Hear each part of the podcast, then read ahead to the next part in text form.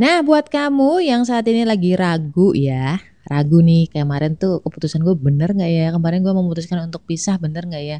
Kemarin gue memutuskan untuk resign bener nggak ya? Kamu tuh Jadi kalau lo masih ragu terhadap sesuatu yang sudah terjadi kemarin, apakah kemarin tuh keputusan gue bener atau enggak, apakah kemarin pilihan gue bener atau enggak, episode kali ini gue persembahan buat lo yang semoga aja bisa membuatmu lebih relief. Dan apa pun yang sudah terjadi ya sudah lah ya, kan udah kejadian kan? Episode ini tuh tercurahkan asik, tercurahkan ya, terinspirasi dari obrolan gue dengan sesama golongan darah B ya. Kita itu kalau misalkan memutuskan sesuatu, biasanya tuh nggak pakai lama. Betul? Betul.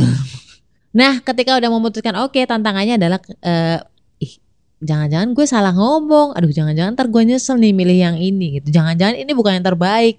Gimana sih caranya biar kita tidak menyesali uh, tidak menyesal atas sesuatu yang udah kita putuskan?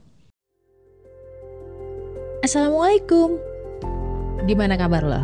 Alhamdulillah Apakah lo lagi ngerasa kesepian atau sendirian? Kenalin gue Ria Marliana, teman healing lo di podcast Self Healing. Di sini kita bakal ngobrol bagaimana sih belajar berdamai dengan luka, tentu aja atas izin Allah Subhanahu wa taala. Semoga Allah sembuhkan lukamu, ringankan bebanmu dan kuatkan hatimu. Katakanlah namanya cinta. Asik. Jadi cinta ini itu bekerja di sebuah perusahaan. Kayaknya gue dulu pernah ngomongin ini deh. Dejapu. Dia memutuskan untuk menerima perusahaan A. Ketika dia sudah tanda tangan uh, apa namanya offering letter ya. Jadi kayak semacam tawaran pekerjaan, gaji dan kawan-kawan dia udah oke. Okay. Lalu eh ada lagi tawaran yang lain gitu, tawaran dari perusahaan B. Ya mulai tertarik lah secara company itu company-nya jauh lebih besar, jauh lebih mentereng dan benefit-benefitnya, insurance-nya dan kawan-kawan itu jauh melebihi perusahaan A. Gue tanya ke dia, gimana? Lu mau nerima yang A atau nerima yang B? Pengen yang B sih mbak, tapi nggak tahu kenapa tuh aku nggak enak sama yang A karena gue udah udah janjiin gitu, udah udah mengiyakan yang A. Gue nggak mau dibilang pelin plan mbak, gue nggak mau mengkhianati atau mengecewakan orang yang udah ngasih kesempatan ke, ke gue gitu. Singkat cerita, si teman gue ini, si Cinta ini bekerja di perusahaan A. Kurang lebih waktu berlalu 6 bulan, 7 bulan, dia bersyukur karena dia memilih uh, perusahaan A. Kenapa? Karena ada salah satu temennya lagi yang bekerja di perusahaan B. Sama-sama baru lah, masuknya tuh kurang lebih sama. Lalu banyak nih cerita dari si B bahwa ketika dia nggak perform, apa konsekuensinya, bagaimana sehektik apa di perusahaan B, overloadnya seperti apa gitu. Dia bilang ke gue, Mbak, aku tuh beruntung banget ya di perusahaan yang A ini walaupun memang belum mentereng dibanding perusahaan B tuh jauh lah gitu. Tapi aku tuh masih bisa menjadi diriku, masih bisa santai-santai, masih bisa hahihi, cengar-cengir, nggak sesetres yang temanku itu gitu. Aku nggak ngebayangin kalau aku berada di perusahaan B jadi apa gitu, jadi bubur kayak gitu. Dan memang dari sisi gue, gue tahu banget karakteristik si temanku ini si cinta itu lebih cocok di perusahaan A.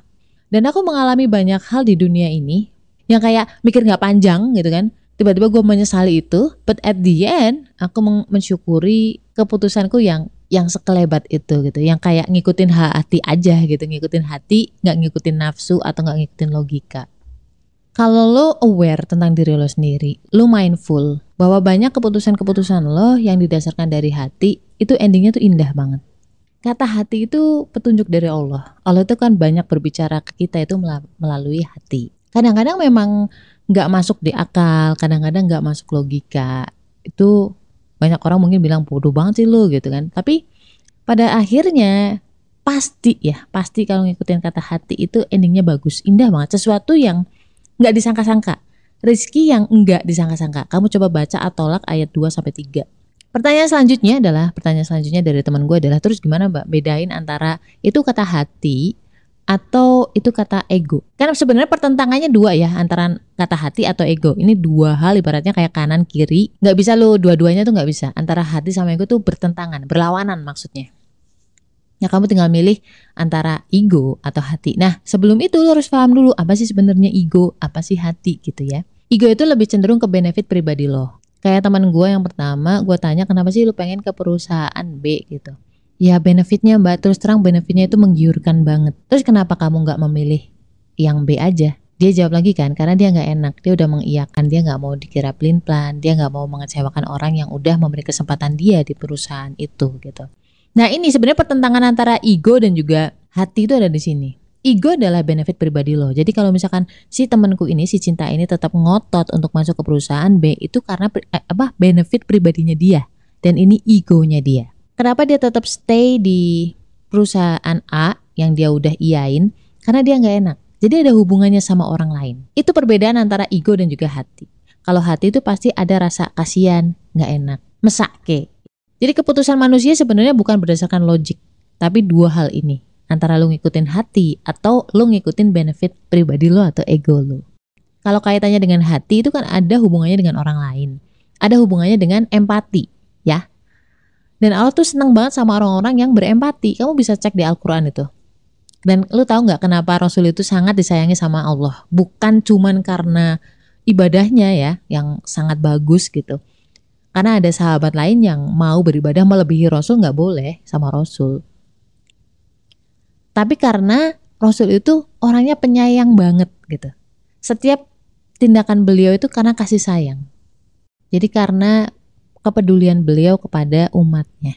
Makanya sesayang itu Allah kepada Rasulnya. Dan Allah pasti mengganti dengan yang jauh lebih baik. Contohnya kayak teman gue yang pertama, dia meninggalkan sesuatu karena ngikutin kata hati dia. Ya kan? Karena ada bisikan dari Tuhan dan dia mengikuti itu lewat hatinya maka Allah pasti gantikan dengan yang lebih baik.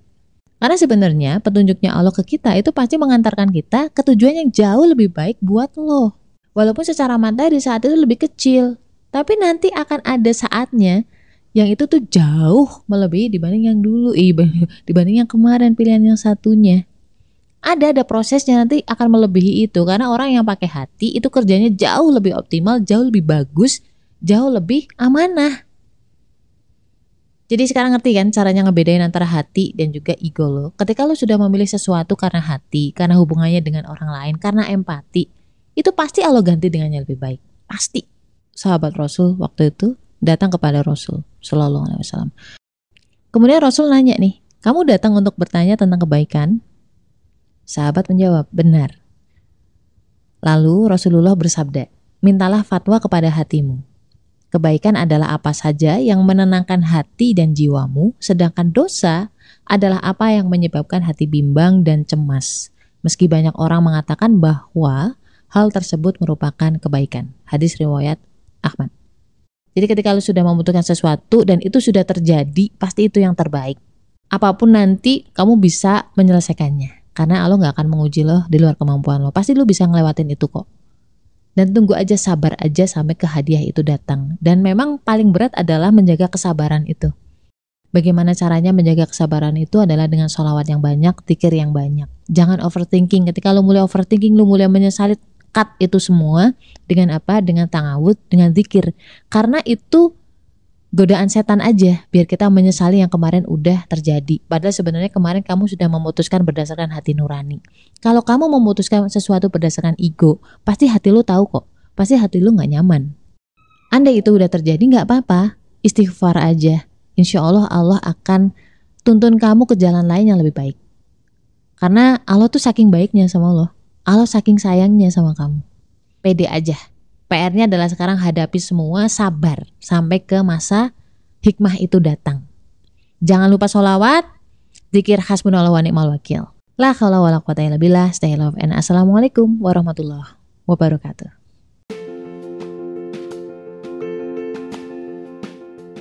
Kenapa sih golongan darah B itu pelupa, susah banget ingat nama? Orangnya juga cuek, nggak pekaan, nggak perhatian.